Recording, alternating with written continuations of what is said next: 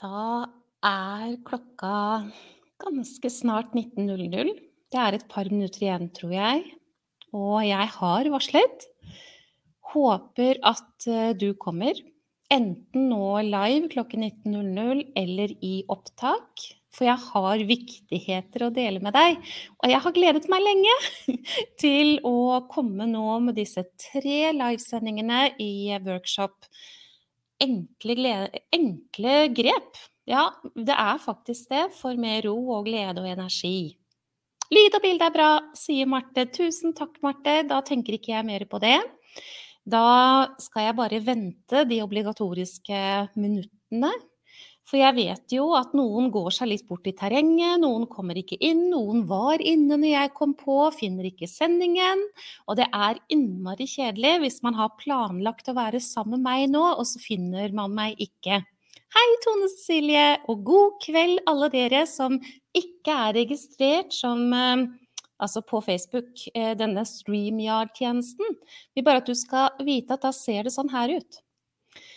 Og det er ikke så farlig, det er bare det at jeg ser ikke navnet ditt når vi går live. Når du ikke er eh, registrert uten at det betyr så veldig mye. Er du registrert, sånn som f.eks. Katrine er, så ser det sånn ut. Etter sendingen så får jeg opp alle navn og sånn, så hvis det er viktig. Men hvis det er viktig under sending at jeg vet hvem du er, så eh, skriv gjerne navnet ditt i kommentarfeltet hvis du har lyst til å gjøre det. Hei, alle sammen. Hils veldig gjerne på meg når du kommer inn. Jeg valgte å skrive det i innledningen til sendingen nå. Håper at det står der fremdeles. Ja, Katrine, du har kommet på rett plass. Veldig hyggelig. Det er eh, en del av dere som jeg kjenner fra før. Jeg syns det er veldig hyggelig at dere vil bruke tid sammen med meg igjen. For eh, budskapet, temaet for budskapet, det er klart, og det har nok mange av dere vært med på tidligere. Men det er noe med å kunne ta imot på det tidspunktet man faktisk gjør, og hvor man er en i eget liv når man tar imot. Hei, Elise, så hyggelig! og Randi Rosnes er her også, så hyggelig. Jeg setter veldig pris på det, at du hilser på meg. Hei, kjære Monica, er det en som skriver. Vet ikke hvem du er, men hei til deg også. Så hyggelig at du har kommet inn. Jeg må ta og bruke også bitte litt tid innledningsvis til å bare sjekke om det er noen som nå, når klokken er 19.00, banker på døren. Bare sånn for å være sikker på at jeg får ja. Her står det noen og vil inn. Da skal jeg slippe inn. Skal vi se. Sånn. Så tar jeg én sjekk til når klokken er 19.02. Og da gjør jeg ikke noe mer før denne sendingen er over. Hei, Mona Nilsen! ja, det går kjempebra, Mona. Og Toril fra Halden er her. Grete Engen er her. Å, så hyggelig.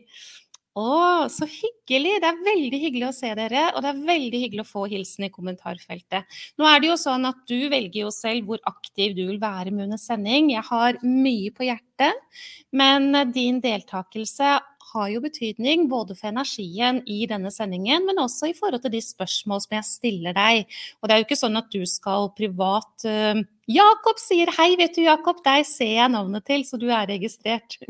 Hei, Lene fra Fredrikstad òg, så hyggelig. Og her er vi inne fra Mysen. Der eh, i nærheten av Mysen bodde jeg i noen år av mitt liv, før jeg flyttet til Halden. Så når jeg hører fra Mysen, så orienterer jeg meg i landskapet med en gang. Jeg vet, vet hvor du er fra. Å, så hyggelig. Jeg, jeg, har gledet meg veldig til denne sendingen. Jeg syns jeg nå har fortalt om det i det vide og det brede evigheter. Det kan hende du har sett dette i alle kanaler og blitt litt lei også.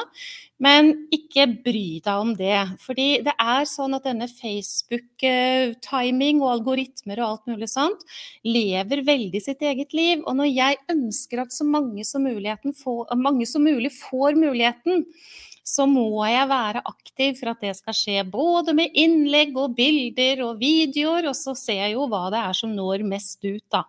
Og det lærer jo jeg av også. og Det forandrer seg hele tiden, faktisk, her på Facebook. Og det er ok. Hei, Merete! Og Janna Nita Reidun. Så hyggelig, Reidun. Veldig hyggelig at du også vil dele tid med meg. Nå er klokka 19.02. Da tar jeg én sjekk til, og så legger jeg bort. Da, er jeg ikke i døra lenger. da Nei, se her, ja. Her var det enda en som ville inn. Da fikk hun lov til å komme inn også. Og da, da lar jeg det være. Da begynner denne sendingen. Nå har alle fått muligheten. Og så vet jeg at noen nå kommer til å være fortvila. De står i døren, og de finner ikke fram og sånn. Men jo mer enn det jeg har gjort nå, får jeg ikke gjort. Og da velger jeg å være rolig på det.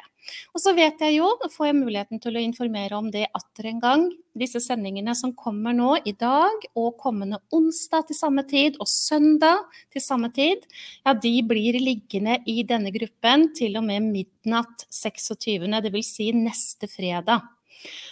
Og vet du hva, selv om du nå er live, eller du kommer inn ganske tidlig og ser opptaket, kanskje allerede i kveld eller i morgen, så er det sånn at det kan være at du har lyst til å lytte en gang til. For det kommer til å komme mye kunnskap til deg nå. Det kommer til å bli sagt mye, det kommer til å bli mange inntrykk. Og det er rart med det. Det du kan ta imot i kveld, det er det du kan ta imot akkurat nå. Sånn er det med alle mennesker. Og det du kan ta imot om du lytter en gang til, ja, det kan hende at det er noe annet som du faktisk også skal ha med deg. Og jeg vet av erfaring at når jeg lar sendinger bli liggende, så er det alltid noen som ser dem flere ganger, og de sier og bekrefter akkurat det jeg satt og sa nå. Så det er en ekstra service til deg, både i forhold til at du som er tidlig på'n, kan se flere ganger, men også for alle de som ikke kan følge live, at det blir en mulighet for å ta det med seg. Fordi jeg mener at dette er det viktigste som finnes.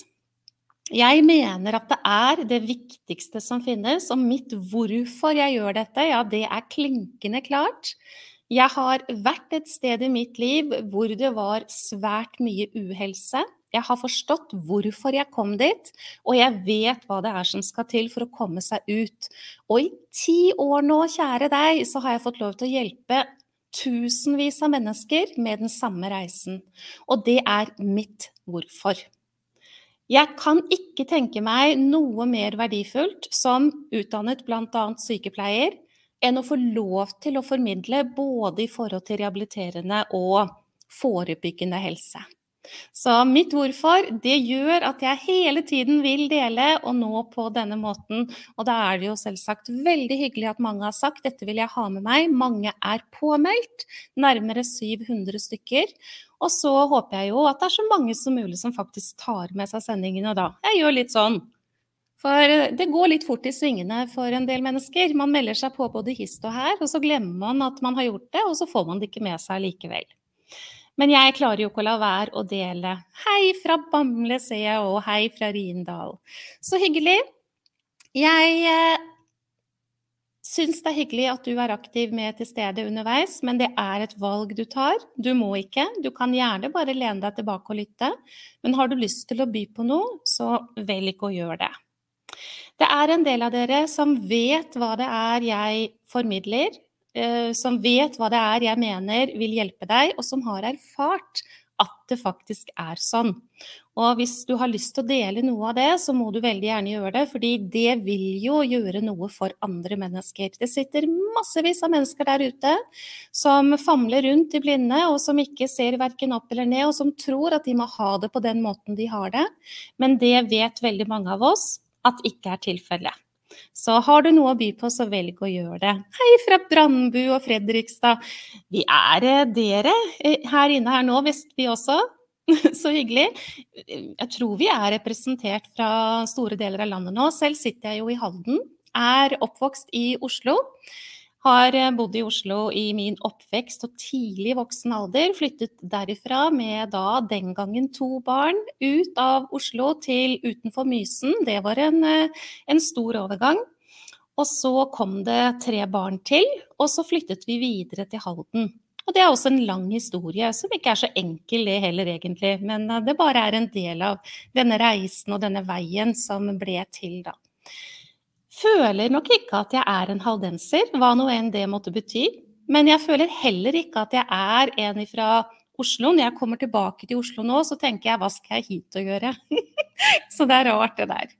Jeg er nok et menneske som kan være litt overalt og finne ro og røtter på alle steder. Fordi det handler om hvor man er i seg selv, mye mer enn hvor man befinner seg i omgivelser, tror jeg. Så sånn har det nok blitt.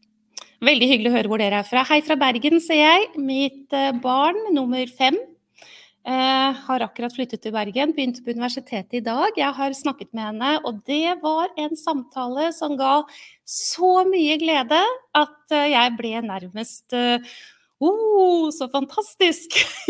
Hun har hatt en kjempefin første dag. og er i gang nå med denne fadderuka og er Alt er bare glede, og det er kjempedeilig. For det er klart det er en stor overgang. Hei, Tone Cecilie fra igjen nå. Herlig. Hjemme er der hvor hjertet er. Det er helt riktig, Marte. Det er sånn jeg tenker det. Da kan det være som det er rundt forbi, så lenge man har bosted i eget hjerte. Apropos gullnøkler, det er noe av det som må skje hvis man skal ha ro. Og den indre roa både i kropp og sinn, ja, den kommer ikke med mindre vi faktisk går ut av hodet og ned i hjertet. Skal snakke mer om det. Men du, hvor mange av dere som var her inne, som er her inne nå, dere er 75 på live akkurat nå. Hvor mange av dere 75 fikk med dere fem dagers pusteutfordring som var for et par uker siden? Hvis du fikk det med deg, så skriv veldig gjerne ja i kommentarfeltet. Og gjorde du ikke, så skriv nei. Jeg kunne tenke meg å få en liten oversikt over hvor mange som ikke har fått med seg fem dagers pusteutfordring. Så by meg på det, er du snill. For det, det er av betydning. Dette med pust, ja, det er superviktig. Så bare kjør på i kommentarfeltet, så ser jeg sånn med et halvt øye nå hvor mange nei som kommer opp. Det er litt viktig for meg å vite. Ok, jeg har eh, fortalt deg at dette blir en workshop på tre livesendinger. Denne livesendingen her har til hensikt å fortelle deg om stress. Har til hensikt å fortelle deg om hva stress faktisk er, og det kan hende du blir overrasket. Jeg opplever stadig det at mennesker blir det. De tror at stress er slik og sånn, og vi bruker dette begrepet veldig feil i vår tid også.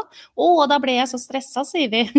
og da ble jeg så stressa, men det er ikke sikkert at det er stress egentlig, det vi går rundt og tror er stress.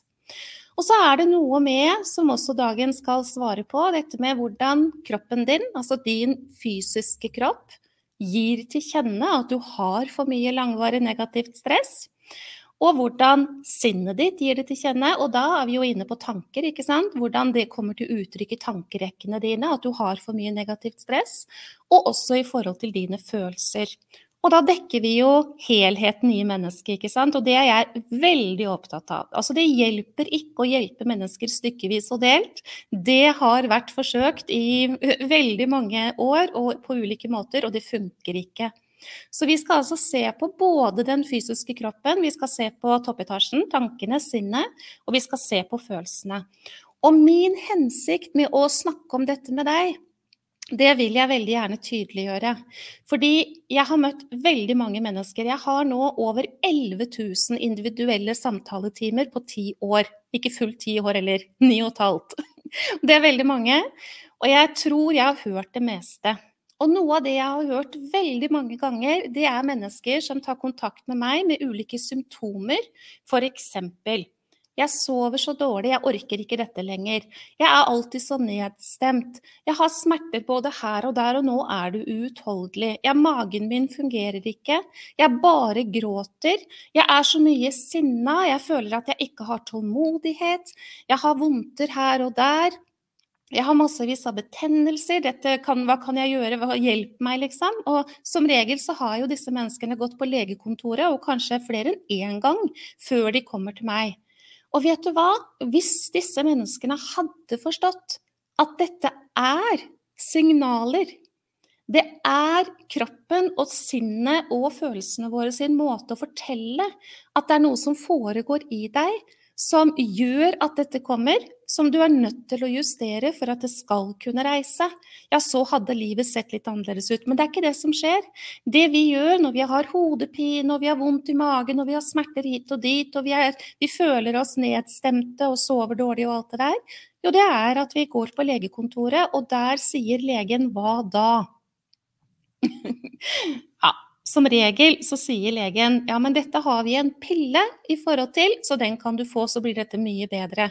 Og vi har i dag et overforbruk, man kan jo lure på hvorfor, av ulike medikamenter som skal hjelpe mennesker med disse symptomene, som egentlig er en kropp som sier ifra at vet du hva, du kan ikke leve livet ditt på den måten du faktisk gjør. Du er nødt til å ta nye valg. Og når vi tar disse pillene, så kan vi fortsette som før. Så det vi egentlig gjør, da, som jeg også sikkert kommer til å si igjen etterpå, det er at vi later som at lampa ikke lyser. Vi bare maskerer, akkurat som å sette en, et plaster på lampa i bilen, ikke sant? og så kjører vi videre. Fordi det er nærmest skrekkslagent for oss å skape endringer i eget liv. Vi, vi, altså hvis vi er vant til å ikke sette grenser, så opplever vi det som helt håpløst å sette grenser. Hvis vi er vant til å ta vare på alle andre og ikke oss selv, så er det å begynne å ta vare på seg selv, ja, det er nærmest fryktinngytende. Det gjør vi ikke. Det skaper masse følelser som vi ikke vil ha, så vi fortsetter i det samme sporet. Og hvis vi er vant til å sammenligne oss med alle andre mennesker om hva de får til og de klarer, og det vi driver og, og sammenligner i forhold til, og finner oss selv helt udugelige hvis ikke vi endrer på det der, så kommer jo ikke disse symptomene som prøver å fortelle oss at vi er på ville veier, til å forsvinne.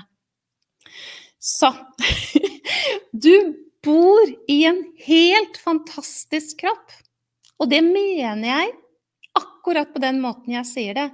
Du er helt fantastisk. Og kroppen din og sinnet ditt og følelsene dine er helt fantastiske. De er veivisere. Det er bare det at det er ikke sikkert at du vil lytte.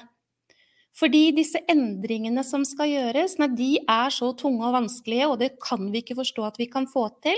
Derfor så må vi bare bedøve og fortsette å løpe. Hvor mange av dere som er her inne nå, kan kjenne dere igjen i å ha tatt hodepinetabletter og gjort akkurat det samme rett etterpå, bare for å kunne fortsette hverdagen?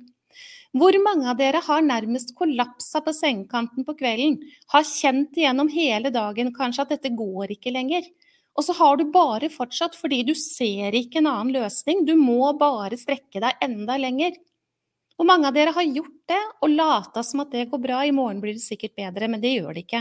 Fordi du våkner om morgenen, og så har du ikke mulighet til å starte den dagen med restitusjon, fordi du har ikke produsert veksthormoner gjennom natten, hvilket ville gjort det mulig for deg at du følte deg opplagt for en ny dag.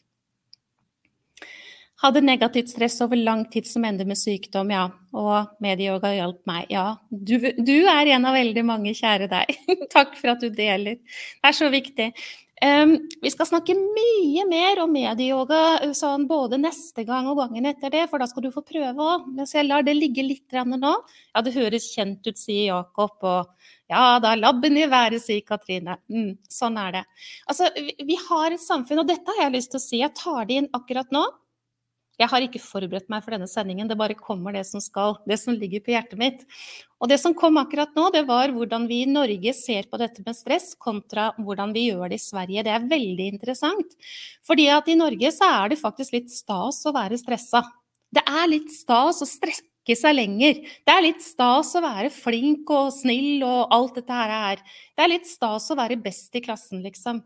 Og så har vi ikke noe helsevesen heller som tar imot den stressa pasienten. Den pasienten som lander på legevakta med øh, trykk i brystet og 'nå har jeg sikkert fått hjerteinfarkt', men som absolutt ikke har fått det, bare har hatt langvarig negativt stress over tid, veldig lenge.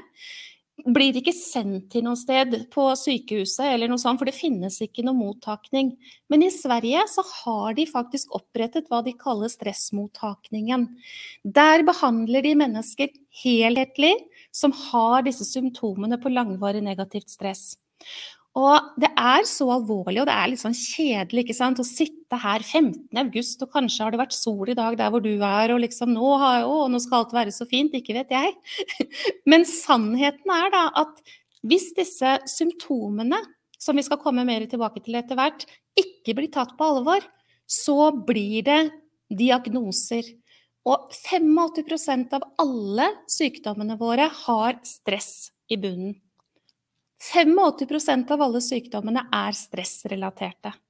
Og det er ganske skummelt. Og vi har ikke i Norge noe tilnærming som kan gjøre noe med dette.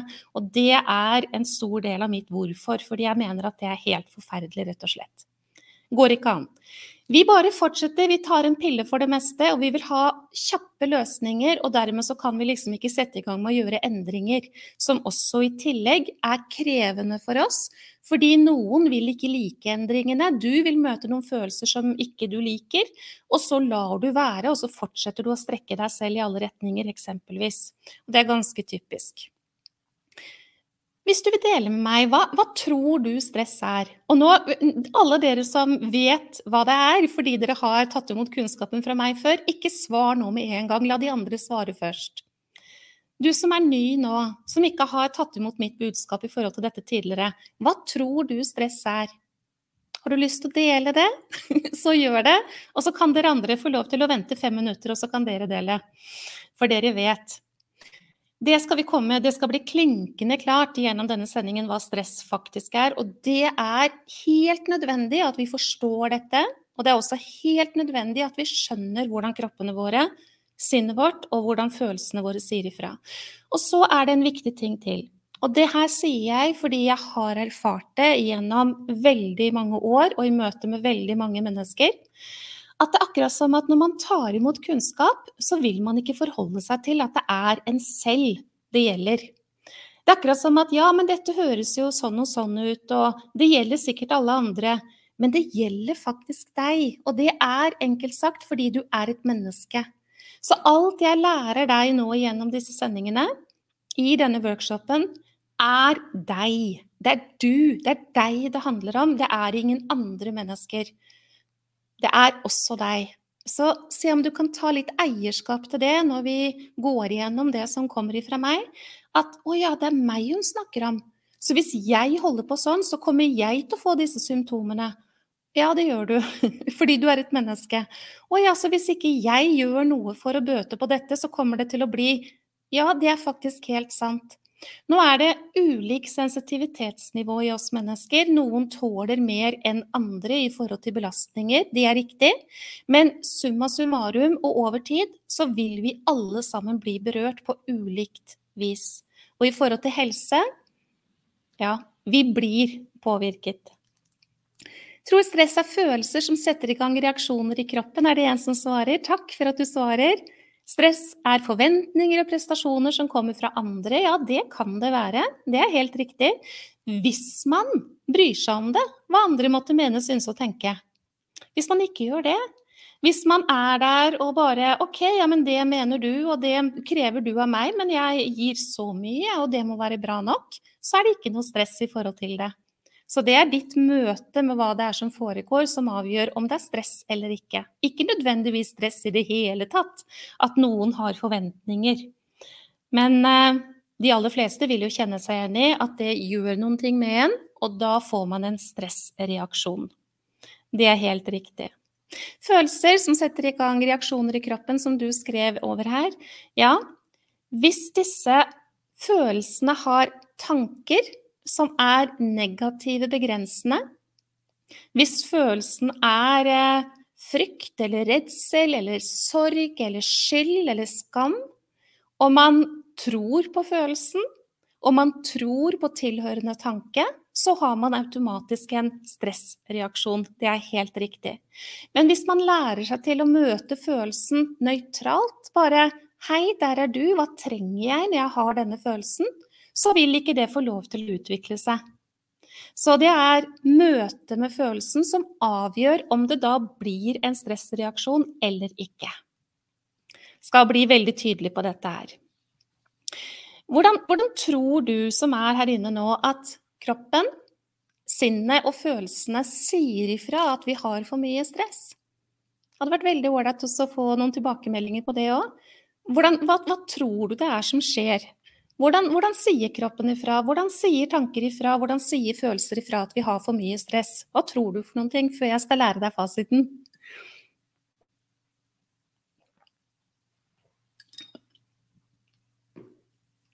Det er mange som kommer til meg med ulike smerter, og som tror at det kun er fysisk.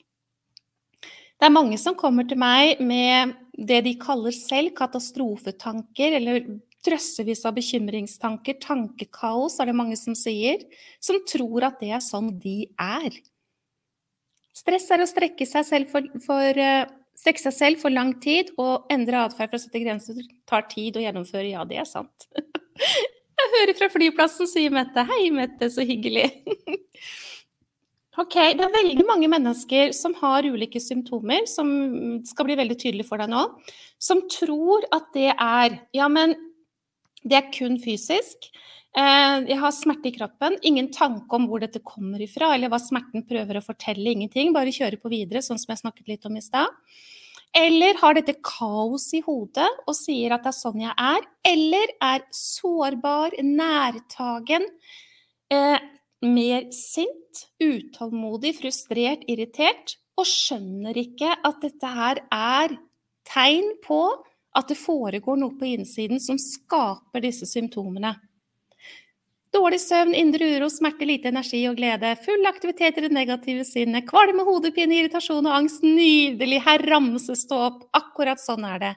Stress er å ikke lytte til kroppen og hva som er godt for meg, men å gå på øh, akkord, mener du sikkert, med seg selv. Det er helt riktig. Gjør man det, så går det veldig galt til slutt. det kan gå en stund, da, men så kommer det mye rart. En følelse av å ikke strekke til, det er helt riktig. Og en følelse kommer aldri alene. En følelse har også tanker. Man kan ikke bare føle, altså misforstå meg rett, bare føle at man ikke strekker til. Da har man tanker som skaper den følelsen. Jeg er ikke god nok, jeg burde ha gjort mer, jeg kan ikke si nei, jeg må bare fortsette å si ja. De forventer det, jeg krever det av meg selv. Jeg må stille opp, alle andre trenger at jeg gjør det, osv., osv. Og, og jeg strekker bare ikke til. Alt det der, ja, det skaper følelser. Men det er en sannhet, kjære alle, at eh, det er tankene som er den utløsende faktoren i forhold til stress. Så hvordan vi møter følelser, hvordan vi møter det som foregår, hva det er vi tror på, hva det er vi forestiller oss, hvilke overbevisninger vi har, og det negative sinnet, som Lise skrev litt eh, opp her også, disse begrensende tankene 'jeg er ikke god nok', 'hvordan skal det gå', 'jeg kommer ikke til å få det til', 'jeg skulle ikke ha sagt det', 'det burde ha vært sånn', 'hvorfor i all verden gjorde jeg det', 'hvorfor gjorde hun det'? Alle de tankene der, ja, det er typiske stressorder, for ikke å glemme da denne bøtta som vi kan si rommer bekymringer. Så en følelse av å ikke strekke til, det er en stressord, men den kommer ifra en tanke.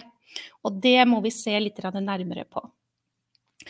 Jeg lurer på Hvis du gikk inn i denne sommerferien som de fleste av oss nå legger bak oss, med forventninger om at det skulle bli så bra, da skal det bli sånn, og da skal det bli sånn, og vi skal gjøre det, og vi skal ha det hyggelig sammen, og jeg skal få tatt igjen alle de besøkene jeg ikke får gjort ellers i året, og jeg skal være for den og bake for den og oppleve sånn og sånn, og så skjer ikke alt dette. Hva skjer da? Ble denne sommeren sånn som du hadde forventninger om? Sitter du igjen med ro og glede og energi? Eller ble det på en annen måte? Ble det mye gjøre? Mye plikt? Mye må bare? ble det annen stemning enn du hadde sett for deg, hvordan håndterte du i så fall det? Det blir uro, ja. Jeg har trodd på alle mine negative tanker og det gjort meg syk, er det en som skriver. Ja, det er det vi blir syke av, enkelt sagt. sånn er det. Det ble mye gjøre, er det en som skriver, ja. Og der har vi et godt poeng, fordi hvis vi ikke klarer å balansere gjøre med være, så går det også gærent. Da får vi symptomer på uro. Og dårlig søvn kanskje, og smerter hit og dit, og hodepine og lite energi og mindre glede, og, og i det hele tatt ikke noe særlig ålreit. Jeg vil bare poengtere for deg at dette handler om tanker. Det handler om hvordan du møter det som foregår. Det handler om mangel på fleksibilitet eller mulighet for å svinge seg med i dansen. Ja, nå ble det på en annen måte. Oi, han er sur, gitt. Ja, men la han være det. Jeg skal allikevel være blid, for jeg skulle ha glede.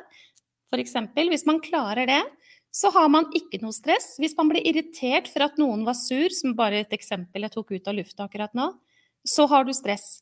Og det du har gjort da, det er at du har latt den som ble sur, få lov til å skape stress i deg. Og det er ikke den andres feil, men det er din egen feil. Eksempel på det. Å møte uroa med aksept og tillit, ja, det er helt, helt riktig. Ble det en uh, sommer hvor du kanskje tenkte at du skulle få hvile ut? At du bare skulle kose deg og nyte og bli uthvilt og klar for en ny høst, kanskje? Og så føler du det ikke sånn. Det er veldig mange som trenger en ferie etter ferien, vet jeg. Hvorfor ble det sånn? Hvorfor ble det ikke sånn som du hadde ønsket deg, hvis du tenkte at nå skal jeg hvile? Nå skal jeg fylle på bare med det gode, nå skal jeg bli uthvilt. Hvorfor la ikke du til rette for at det kunne skje? Det er jo et interessant spørsmål. Hvorfor gjorde du ikke det? Hva var det som hindret deg i å hvile? Var det din egen indre uro, eller var det det at du lot deg påvirke av andre mennesker? Eller at det skjedde noen ting som fikk ditt fokus istedenfor det du egentlig hadde bestemt deg for? Jeg gleda meg til å gjøre ting med ungene fordi jeg endelig hadde litt energi og overskudd til det, men ett barn ble syk på dag én av ferien, og så var det sykdom på én etter én. Ja, min ferie gikk ikke etter planen. Nei, og der blir du skikkelig testa, ikke sant. Der har du egentlig fått en stor gave på å sjekke ut hvordan var det du forholdt deg til dette. Hvis det skulle gått uten stress, så hadde det vært å være så fleksibel at du bare tok en dag av gangen og var i det og trøstet deg selv fordi du ble ikke som du trodde, men du håndterer dette. Da hadde, du, da hadde det gått helt fint. Men hvis du hadde tanker som sier at ja, det skulle vært på en annen måte, og hvorfor skulle disse ungene bli syke nå, dette orker jeg ikke, jeg skulle ha ferie og sånn, da har du stress, stress, stress, stress. stress. Selvfølelsen har ikke røtter som bekrefter egenverdi. Det er så riktig, Lise. ja, veldig, veldig bra. Ble ikke som jeg tenkte, nei. Nei, og vet du, da sitter man igjen med enten så blir det uro fordi man har tanker som skaper den uroa, eller så klarer man å finne en tilnærming til det som skjer, på en slik måte at man ikke får uro. Og det er jo en kunst, da. Men jeg vil bare ha frem disse poengene fordi det må bli klinkende klart for deg at du kan ikke ha stress med mindre det er tanker som skaper stresset, og vi skal se litt nærmere på det om en liten stund. Har testa meg selv i forhold til været som ikke ble som det skulle, ja. Deilig med alt det som ikke ble som det skulle, så får man muligheten til å, å møte det og håndtere det. En fin sommer hvor det har vært mye her og nå. Og det var nydelig å lese, fordi det betyr at du har et lavere stressnivå enn høyt. Så gratulerer med det. Denne tilstedeværelsen det er noe av det som forsvinner veldig lett når vi har et høyt stressnivå. Og jeg tror at det også skal bli tydelig etter hvert. Mye mer ro etter at jeg gjorde mer yoga, ja. Det er jo sånn det er. Ok, kan det være sånn da at du har opplevd å få litt lite søvn eh, gjennom denne sommeren? At du har opplevd at du har vært urolig, at du kanskje har grått litt? At du har blitt noe sinna, at du har vært utålmodig? At det har vært masse tanker? Kanskje har du også kjent på angst? Det er det jo en del som gjør. Alt henger sammen. Kanskje har du fått smerter et eller annet sted som du ikke hadde trodd du skulle få smerter. Kanskje det har ødelagt litt for deg. Men uansett, da, disse signalene som er veldig typiske, de har et budskap. Og budskapet er du lever livet ditt på en måte som du faktisk ikke tåler. Og hvis du ikke har vilje til å justere det, ja, så får du faktisk heller ingen endring. Og heldigvis går det an da å justere det, bare så det er sagt. heldigvis så gjør det det. Dette poenget med om sinnet ditt har vært til stede i nuet, eller om du har vært i fortid, fremtid, som en skrev her. Jeg har vært mye her og nå. Det er også en sånn måte å sjekke opp på hvor er jeg hen. Hvis sinnet ditt hele tiden driver og drar deg til det som har vært, eller inn i det som skal komme, så har du faktisk stressaktivitet i deg selv. For da er det en sånn jag i deg, og ikke en mulighet for å være til stede. Og det skal også bli veldig tydelig for deg hvorfor det var sånn. Jeg har hatt en fin sommer, det er fremdeles et stykke frem. Men første gang på veldig lenge kjenner jeg på lyst til å gå på jobb. Å, nydelig! Nå vet jeg ikke hvem du er, du står som Facebook-user. Men uh, jeg ville vel kanskje tro at du er en av mine. det er jo veldig, veldig deilig. Og Tone Cecilie, ja, eh, vi hadde et fantastisk retreat i Italia i mai. Du og jeg og noen flere vakre mennesker. Hatt en fin sommer selv om det har vært vel varmt, ja. Ok, da håper jeg at jeg ved denne innledningen her har klart å gjøre det veldig tydelig for deg, da. At kroppen med sine smerter, betennelse, uro, ja, den sier ifra.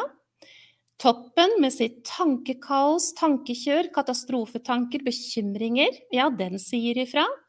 Og følelsesmessig i forhold til nærtagenhet, sårbarhet, sinne, irritasjon, frustrasjon, um, liten tålmodighet, er også signaler blant flere. Og disse er veldig typiske, de jeg snakker med deg om nå. Det å være nedstemt, føle at ting er litt tungt, det er også et signal. Vi klarer ikke å balansere, og dermed så får vi beskjed. Det er fysiske plager, det er angst, det er lite glede, det er lite energi. Det er et hjerte som løper løpsk, en puls som er fullstendig på avveier, det er tårer som sitter løs, det er tankekaos, bekymringer. Når dette øker, så er det tegn på at noe foregår som er nødt til å bli justert. Og vet du hva?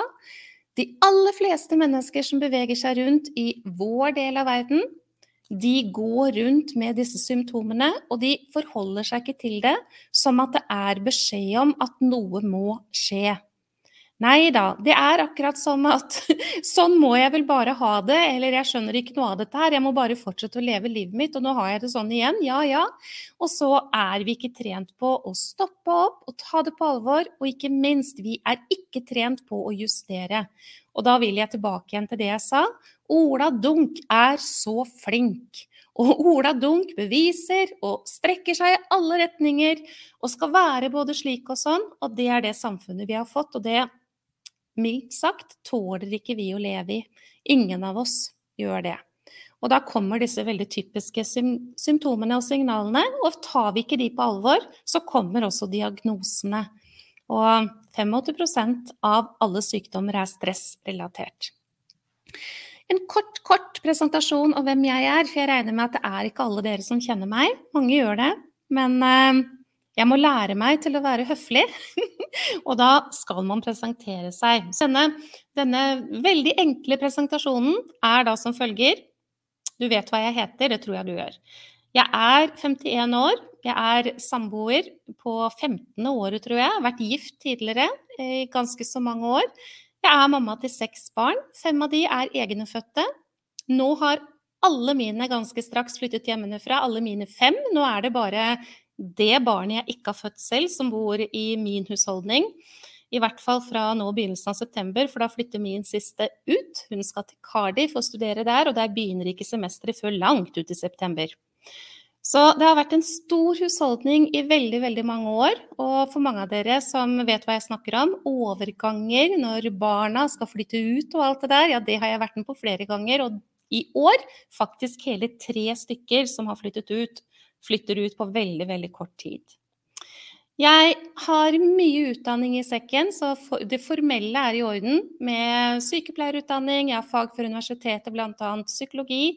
Jeg er yogalærer i flere yogaretninger, og den retningen som står meg nærmest, ligger dypt i hjertet mitt, det er medisinsk yoga.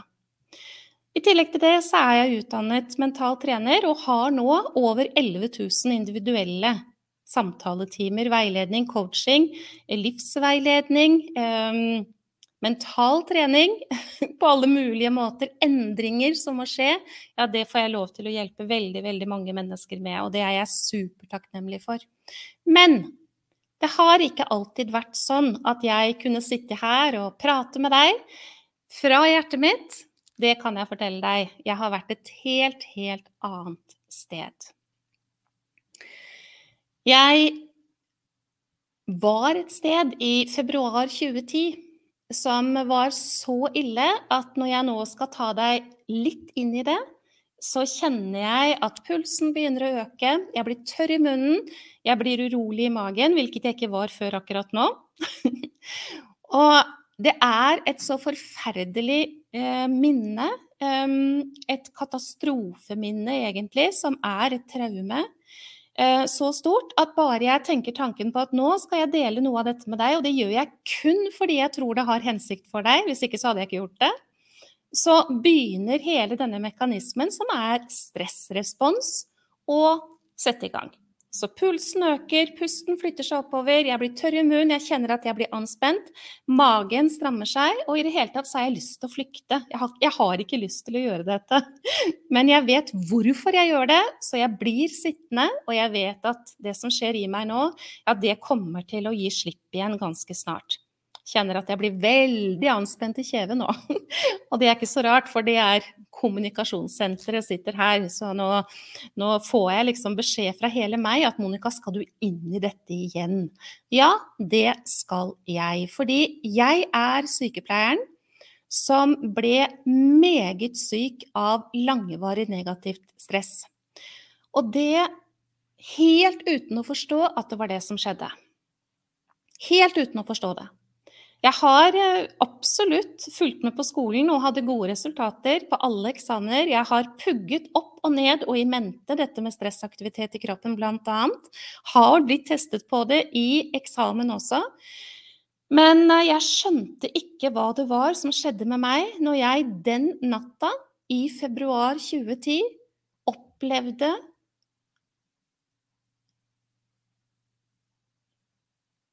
katastrofen inn i et mørke som var så forferdelig, hvor jeg ikke klarte å flytte kroppen i senga. En angst som var overveldende. Det eneste som eh, var i hodet mitt, det var at nå kommer jeg til å dø. Jeg hadde et hjerte som truet med å løpe ut av kroppen min. Jeg hadde en puls som var Det, det klinget i ørene, det ulte i hodet. Jeg ble livredd når jeg oppdaget da den natta at jeg ikke klarte å flytte kroppen i senga. Og da snakker vi om en dame som kvelden før hadde vært på jobb, og som skulle på jobb igjen mandag morgen. Dette var natt til mandag. Jeg hadde hatt helgevakt både fredag, lørdag og søndag og skulle på igjen mandag morgen klokken syv. Og jeg var den eneste som hadde vært til stede sykepleier hele helgen og var helt overbevist om at jeg måtte komme meg på jobb, for hvordan skulle det gå om jeg ikke husket å få sagt det jeg skulle si på rapporten? Det var altså så grusomt. Jeg, skulle jeg ha ringt 113, hva skulle jeg ha sagt? Jeg hadde ikke klart å få sagt noe som helst, og i hvert fall ikke eh, så 113, alarmsentralen, hadde skjønt hva de skulle gjøre. Jeg hadde ikke hatt muligheten til å formidle hva det var som skjedde med meg. Og en annen ting som jeg har tenkt på i nyere tid, hvor skulle de ha sendt meg hen? Vi har ikke noe sted for den type traume i dette landet i det hele tatt. Ingen kunne hjelpe meg, og jeg visste ikke hvordan jeg skulle kunne hjelpe meg selv. Og dette pågikk i hva jeg opplevde som veldig, veldig lang tid. Og fra det forferdelige som skjedde, til jeg dagen etter ble liggende i senga et halvt år, kan jeg rett og slett ikke redegjøre for annet enn at jeg kom meg på jobb. Jeg klarte å komme meg på jobb. Jeg husker ingenting av det. Og jeg ble sendt hjem, for jeg hadde ingenting der å gjøre. Jeg klarte ikke å komme meg hjem igjen på egen vegne, eller jeg måtte ha hjelp til å komme meg hjem. Det var helt forferdelig. Og dette her er en tilstand som eh, andre mennesker også opplever. Hvordan kom jeg dit? Det skjønte jeg Altså, det her ble jo et mareritt Eh, noen måtte hjelpe meg. Jeg, var, altså, jeg har blitt akutt syk, det trodde jeg jo. Eh, ble selvfølgelig fulgt til doktor. Alle mulige undersøkelser viste ingenting annet enn høyt blodtrykk. Selvsagt. Blodtrykket var jo skyhøyt.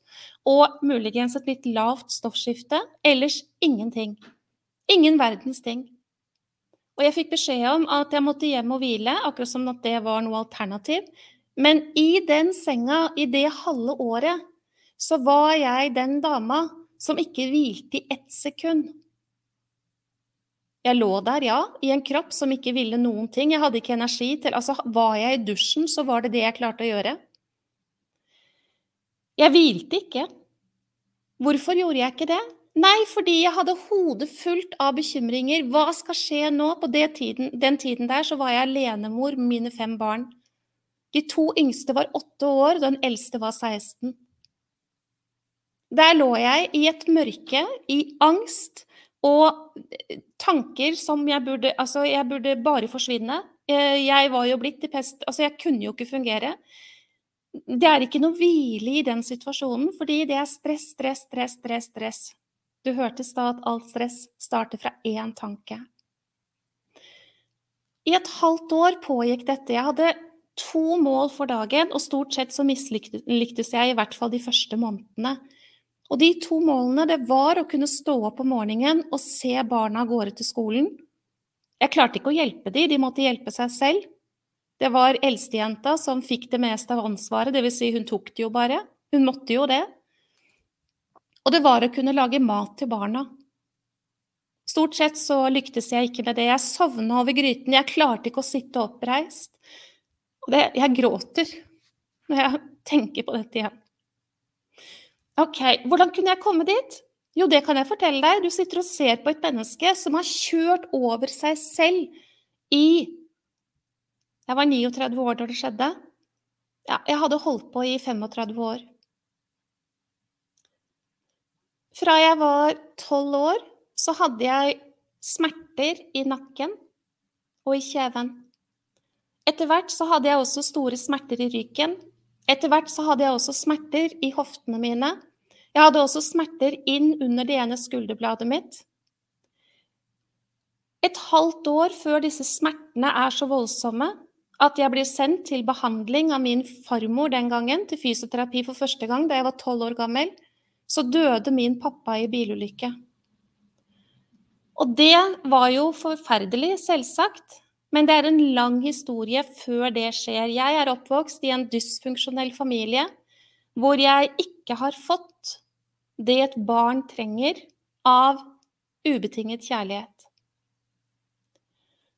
Det er en lang historie jeg ikke skal ta nå, jeg bare gir deg konturene av det. Orker ikke å gå inn i det, og det er ikke viktig. Jeg vil bare at du skal se at belastningen starter fra jeg var et veldig lite barn, med frykt og redsel, med skyld og skam og svik, fra jeg er en neve stor, nærmest. Og når pappa dør, så var det en lettelse for alle menneskene rundt, men ikke for meg. Jeg mistet pappaen min, og han hadde to ganger gitt til uttrykk at han var glad i meg. Aldri sagt det med ord, men det var to situasjoner jeg hadde opplevd som barn, som jeg tok til fordel for at pappa, han var glad i meg.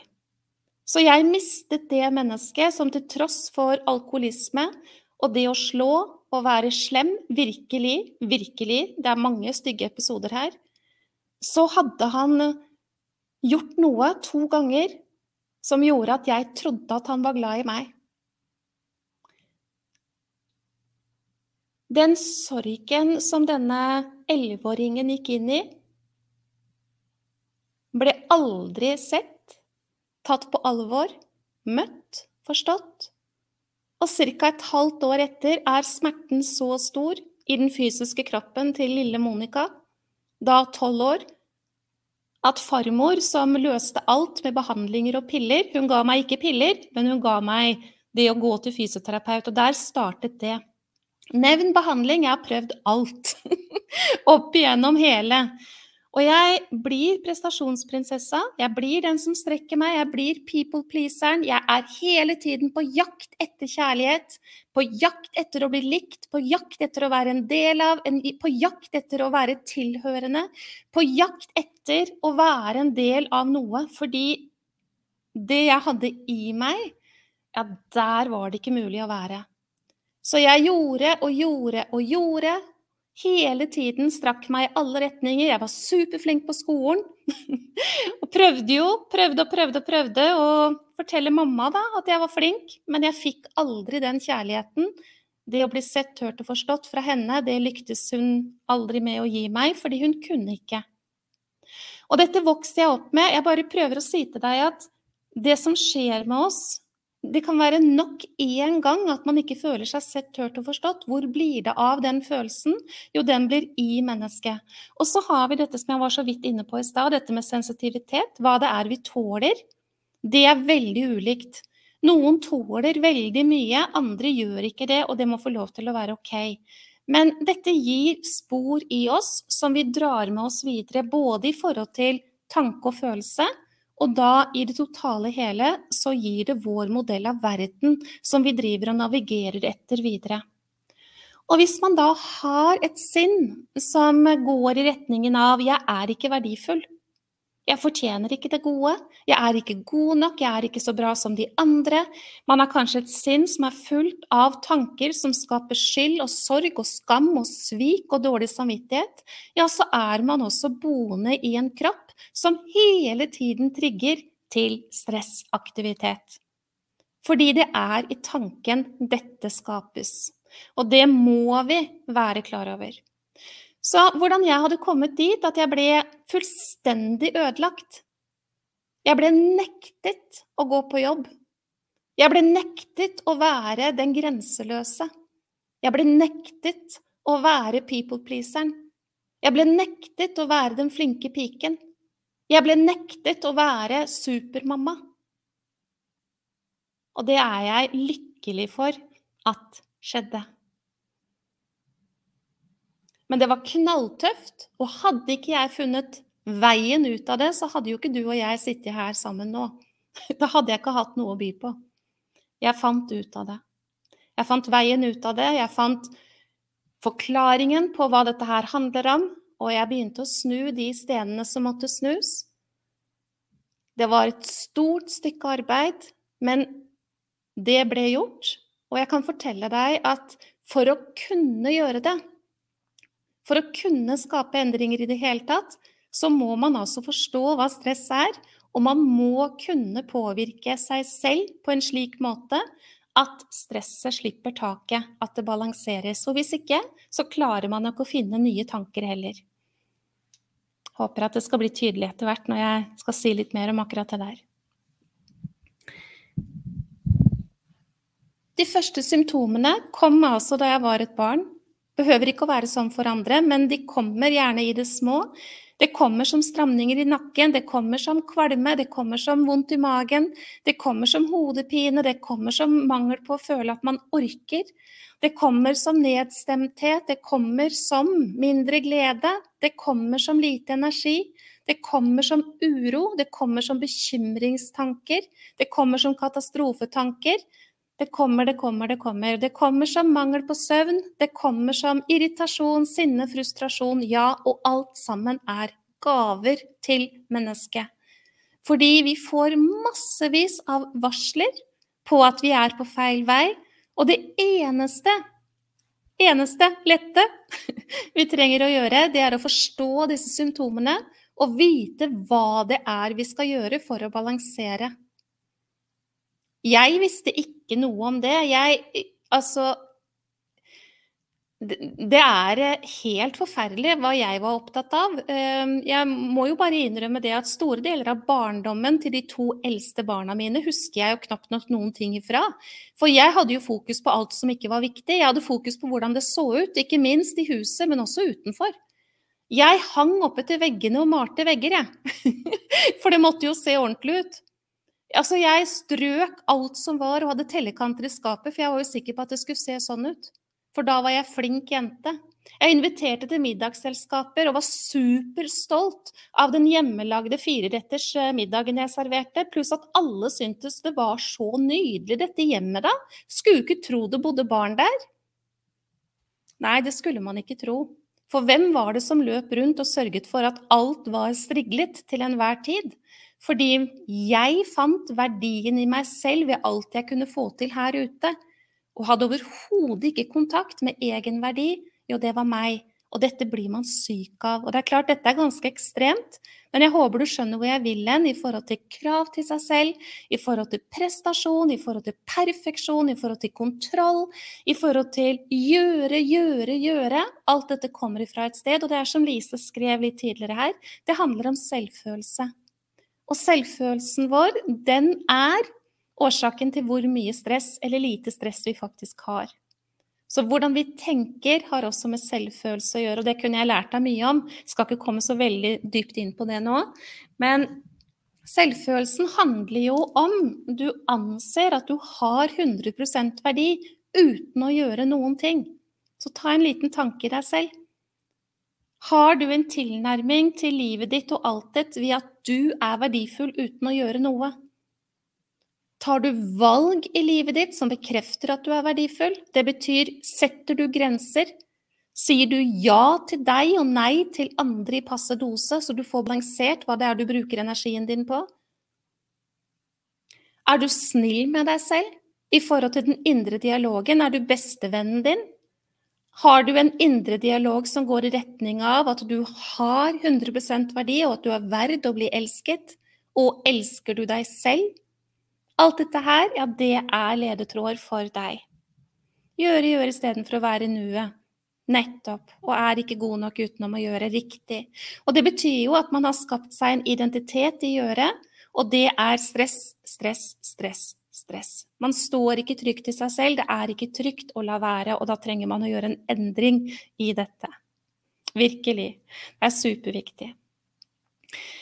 Når du ikke får sove, når du har hodepine, når du har betennelser, dårlig fordøyelse og alt dette her, ja, så er det beskjeder som du trenger å få tatt på den største alvor.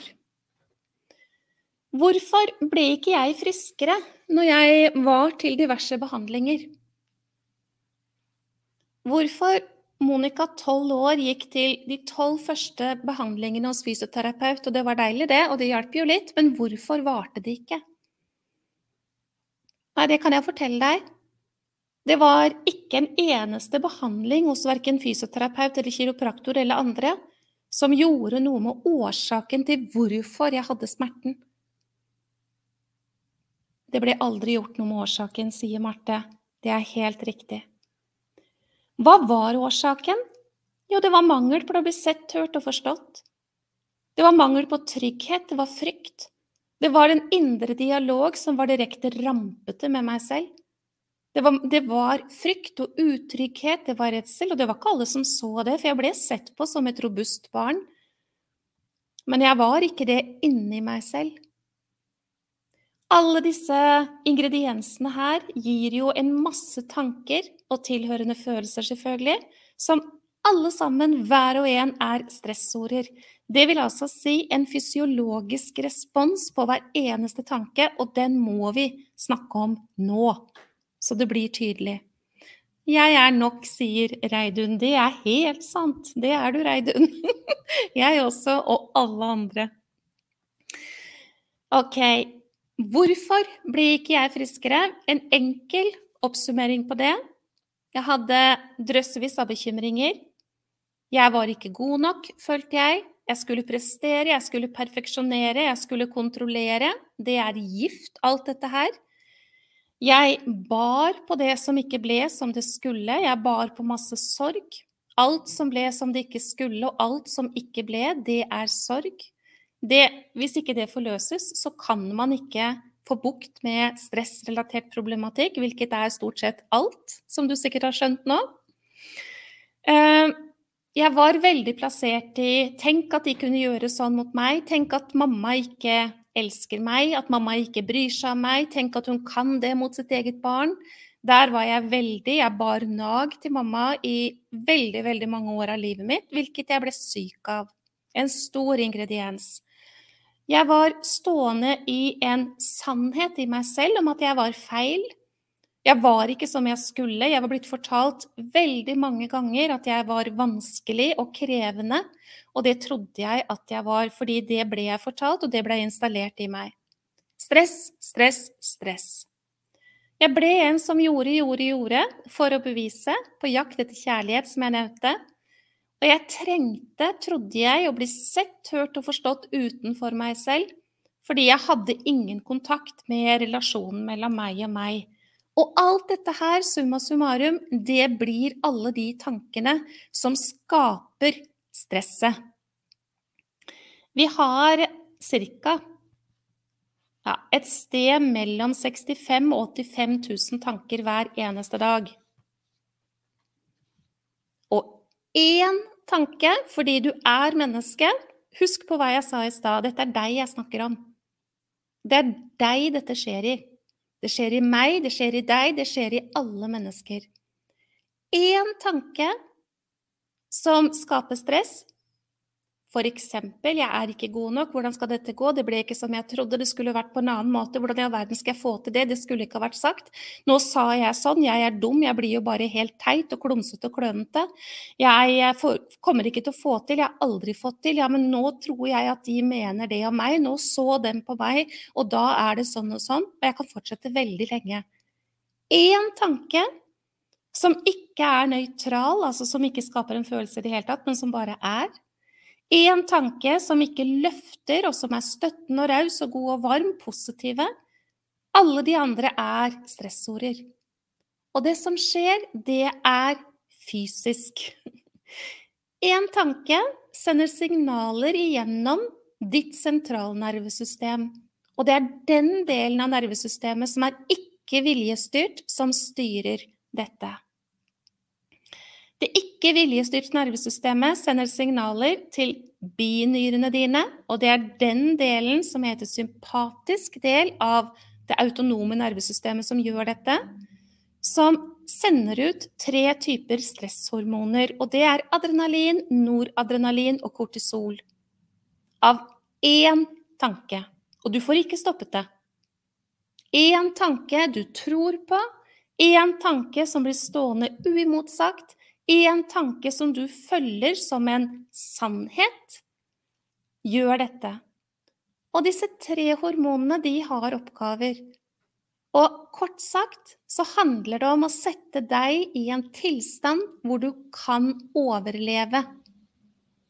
Og det betyr enten så går du inn i frys og blir handlingslammet, eller du går inn i det å skulle flykte, eller du går inn i det å skulle slåss.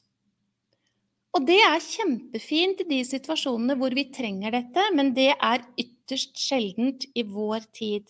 Så vi får ikke utløp for det engang. Vi får ikke slåss. Hvor mange ganger er det du slåss? det er ikke så ofte. Hvor mange ganger er det du går i frys? Det kan hende du kjenner at du noen gang har gjort. Men hvor mange ganger har du flyktet? Nei, kan det hende du sier 'jeg har aldri flyktet'. Nei, men hva har sinnet ditt gjort? Det kan være at tankene som har vært i sinnet ditt, har hatt til hensikt å få deg til å flykte. Eksempel 'dette kommer aldri til å bli bra, jeg kan ikke fortsette her, jeg må finne på andre løsninger'. Jeg må flytte, jeg kan ikke bo her, jeg blir urolig, jeg må, jeg må komme meg av gårde. Det kan være den type tanker, og veldig mange flere. Disse tre stresshormonene er helt fantastiske. Du er fantastisk. Men det er bare det at de kommer av én tanke, som ikke engang er sann. Og du får ikke utløp for det. Og det som skjer, det er at i den tilstanden så kan ikke kroppen din bedrive helsefremmende og forebyggende arbeid. Og du har stor tålegrense, vær klar over det. Smertene og uroa og bekymringstankene og alt dette her som vi har snakket om, det kommer ikke på 1, 2, 3, men etter hvert så kommer det som tydelige signaler. Signaler på hva? Jo, du står i beredskap for å overleve. Du er i krigen. Og det betyr altså at det trumfer forebyggende og rehabiliterende helse. Hvis du tenker på dette noradrenalinet f.eks., som strammer alle musklene i kroppen din, så er det jo ikke å forundre seg over hvorfor man får smerter. Det er klart man får smerte. En muskel som blir stående anspent av hele tiden utpumping av adrenalin, vil jo bli vond. Dette skjønner ikke mennesker der ute. De går og får behandlinger. Ja, det er jo fint, men det slipper jo ikke taket over tid. Nei, fordi årsaken til spenningen, ja, det eier du fremdeles oppi her. Din modell av verden, måten du møter på, hva du tenker, hvordan du håndterer, hva du tror på, ja, det er det som er årsaken egentlig. Du bor i en fantastisk kropp. Det er bare det at du må lære deg noe som gjør at den delen av nervesystemet som kan bedrive helsefremmende og forebyggende arbeid, blir aktivert. Og det er det vi skal se nærmere på, både til onsdag og igjen til søndag. Fordi det er fullt mulig! og jeg kan love deg at hvis jeg ikke hadde gjort bruk av det verktøyet, så hadde ikke jeg kommet meg ut av den tilstanden jeg var i. Det jeg tror ikke jeg hadde levd, faktisk. Det er litt hardt å si det. Men eh, jeg så ikke i det mørke der hvordan i all verden jeg skulle leve videre. Det var så ille. Og i dag så kan jeg jo ikke tenke meg noe annet enn å leve med, med absolutt de beste ingredienser. Én tanke nervesystemet eh, responderer fordi du er et menneske, til binyrene, til muskler, til følelser, til absolutt alt, og faktisk også til, til hjernen din. Og mange kan kjenne seg igjen i litt dårligere hukommelse og konsentrasjon. Det er veldig mange. Det er langvarig utskillelse av kortisol som påvirker det senteret i hjernen. Og det er rett og slett også et symptom på at man har pågående langvarig negativt stress. Det er ikke det første som skjer, men det kommer etter hvert. Og det er også et symptom som mennesker i vår tid ikke vil forholde seg til. Det er liksom ikke noe å snakke om. Vi bare går rundt og husker litt dårlig. Men det er en beskjed om at du har for stor utskillelse av stresshormoner.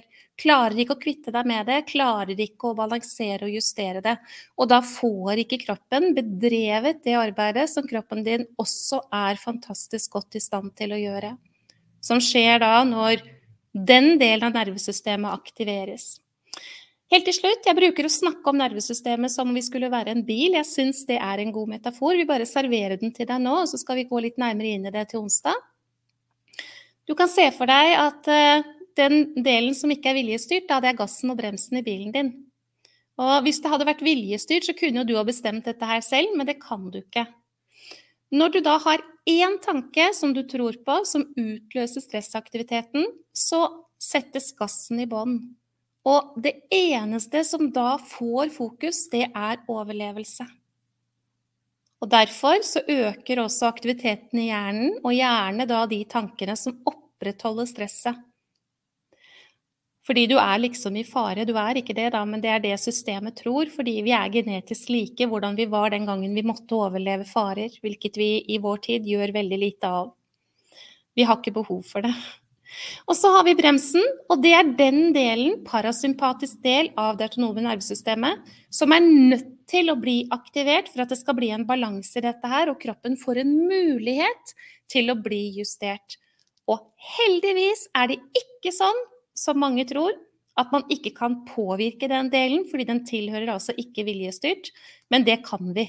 Vi må bare lære oss hvordan vi må gjøre det mulig, rett og slett. Tusen takk for nydelige hilsninger, kjære dere som eh, velger å skrive. Ok. Når vi ikke setter inn bremsen fordi vi ikke aner at vi må gjøre det, eller vi tror vi ikke kan gjøre det, eller vi fortsetter med våre overbevisninger og mønstre, så får vi altså den komplette nedbrytelse. Og da kommer symptomene. Så alle disse symptomene som jeg har ramsa opp, de er altså helt vanlige. Eh, vi kan gå på viljekraft veldig lenge. Vi kan fortsette å kjøre over oss selv veldig, veldig lenge. Inntil det ikke går lenger. Og det var det som skjedde med meg den natta i februar 2010. Da fikk jeg ikke muligheten til å kjøre over meg selv lenger. Jeg ble kastet inn i et mørke, i en kropp som var helt grusom, i angst, i det meste du kan tenke deg av symptomer. Alt, egentlig og var helt overlatt til her kan jeg ikke være, dette kan jeg ikke klare, jeg orker ikke lenger.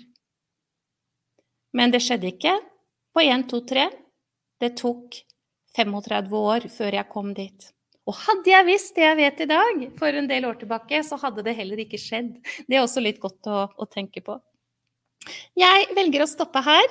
Jeg eh, skal ta opp tråden igjen her når vi starter på onsdag. Så hvis du har tenkt til å være med live, så kom presis eh, inn når klokka er 19.00. Så plukker jeg opp tråden, og så sier jeg enda litt mer, og så går vi enda litt videre. Og vi skal selvsagt snakke om hva det er vi kan gjøre. For vi kan gjøre noe, og på sending på søndagen så får du også erfare hva det er som faktisk fungerer. Og det vet jeg at du kommer til å sette pris på, og det trenger du veldig. Du er ikke overlatt til intet. Hvis du har noen av disse typiske symptomene nå, så vit da at det er beskjeder til deg, og at du kan gjøre noen ting. Og vil du ikke ha det, nei, så må du nok allikevel ta noen grep, for det er nok for de aller fleste i vår tid kun et spørsmål om når det kommer, rett og slett. Hvis du ser sendingen i opptak, så legg igjen en hilsen til meg når du ser den. Det vil jeg veldig gjerne få fra deg. Lurer du på noe, så spør. Og så håper jeg at vi, vi ses til onsdag. Ha det.